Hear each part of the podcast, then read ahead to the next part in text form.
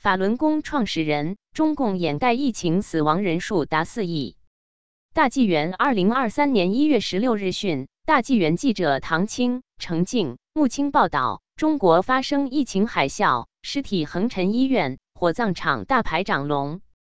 中共极力掩盖，发布的疫情数据难以自圆其谎。民间大量一手信息显示，中国因疫情死亡的人数巨大。法轮功创始人李洪志大师说：“中共一直掩盖疫情，中国因疫情已经死了四亿人。去年二零二二年十一月起，中国疫情全国多点同时爆发。自十二月七日，官方被迫放弃清零管控，中共疾控中心连续十一天公布无新增死亡病例。疾控中心一月八日宣称，在去年十二月七日至今年一月八日期间。”只有三十七人因疫情死亡，举国上下没有人相信。在中共严厉审查的中国社交媒体上，天天能看到网民发布的无数家破人亡的惨剧，远远超过中共公布的情况。外国媒体纷纷质疑中国的疫情数据，但是谁也拿不到中国的准确数据，因为中共放弃统计相关数据，并禁止在患者病历上写新冠。法轮功创始人李大师说：“三年多来，中共一直在掩盖疫情。中国的疫情已经死了四亿人，这波疫情结束的时候，中国会死五亿人。”李大师说：“上次萨斯出现的时候，中国死了两亿人。多年后，中共发现人口减少了，马上放开二胎制、三胎制。”李大师多年前就警示瘟疫将在中国造成灾难，并开始解救之道。他在诗文中提到，远离中共邪党，快快找真相。大跃进以来最大规模的死亡事件。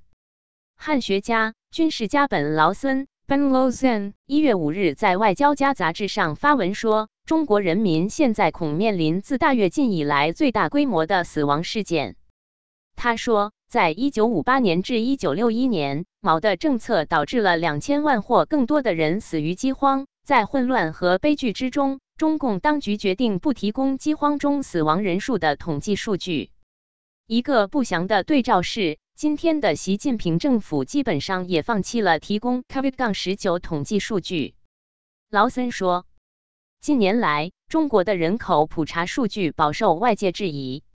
例如，2021年12月，国际知名人口学家易富贤估计，中国2020年人口是12.8亿。而不是官方人口普查数据所说的十四点一亿。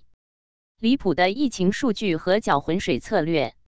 早在疫情初期，中共公布的疫情数据就遭到外国专家质疑。美国史蒂文斯理工学院量化金融项目主任乔治·卡尔霍恩 （George Calhoun） 去年一月在福布斯 （Forbes） 撰文，质疑中共官方报告里面的感染率和死亡率。他推算。中共政府报告的 COVID-19 死亡率为每十万人中平均零点三二一人死亡，美国的 COVID-19 死亡率为每十万人中平均有二百四十八人死亡，美国比中国的平均死亡人数高出八百倍，这怎么可能？福布斯去年一月二日的文章说，对中共官方数据的分析结果显示，在武汉封城的九十天内。COVID-19 的平均死亡率比中共官方公布的全国死亡率高三百七十六倍。自武汉二零二零年初爆发 COVID-19 以来的两年里，若不计入湖北省，余下的十三亿中国人中，仅有二百至三百人死于 COVID-19 疾病，那么死亡率为每十万人中平均死亡零点零零二人，比美国的死亡率低十二点四万倍。北京之春荣誉主编胡平认为。中共惯用搅浑水策略，反正要撒谎，那我干脆就撒大点，越大越好。因为如果谎言超出了一般人想象的地步，那么一般人在推测估计真实数据的时候，就会受到想象力的限制，反而会给出一个比较低的估计。胡平对美国之音说：“官方知道没人会相信他的数据，他也不指望别人会相信，只是想把水搅浑。”只要死亡数据成为谁也都说不清楚的无头案，当局的目的就部分达到了。大城市殡葬系统瘫痪。目前，中国各大城市的殡葬系统处于瘫痪状态。华盛顿邮报一月十日引用的美国马萨尔科技 （Maxar Technologies） 拍摄的卫星图像显示，从北京到南京，从成都到昆明，分布在中国东南西北不同位置的城市殡仪馆的活动都异常忙碌。根据马萨尔科技去年十二月二十四日拍摄的卫星画面，北京通州一家殡仪馆似乎在那段时间建造了一个新的停车场。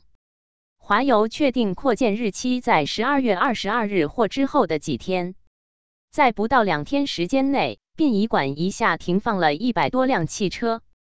在南京帮助运送尸体的司机对华邮说：“他开了几十年灵车，从没见过这样的景象。”类似的场景在中国各地的殡仪馆上演，整个系统现在处于瘫痪状态。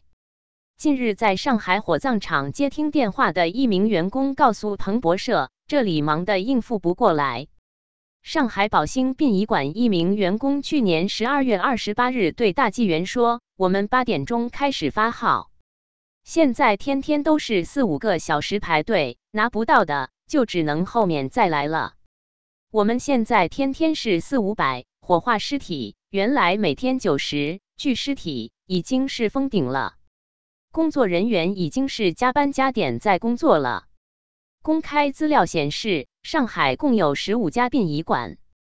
去年十二月十九日，沈阳一家做殡葬服务的老板告诉大纪元记者，沈阳多家医院的急诊都有人死亡，尸体拉不过来了。我去急诊拉过。他透露，当地没有车拉尸体，故尸体无处存放。人走死的太多了，没办法，太多了。他说，哪个医院都那样，有的医院遗体都堆了十来个、七八个，遗体搁那放着，没办法呀，运不走呀，一点儿招儿也没有。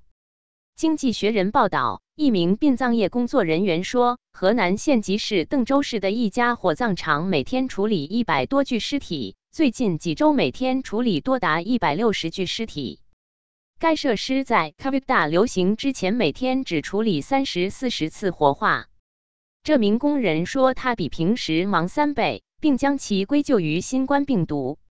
赵子阳秘书鲍同之女报检一月十三日在推特发帖说：“北京一个月死了几十万人，市政府还敲锣打鼓开表彰大会，简直不要脸透了。”一个月不到。身边朋友或其亲人走了十七人了，这在我一生中都闻所未闻，莫不是又赶上千年一遇的事？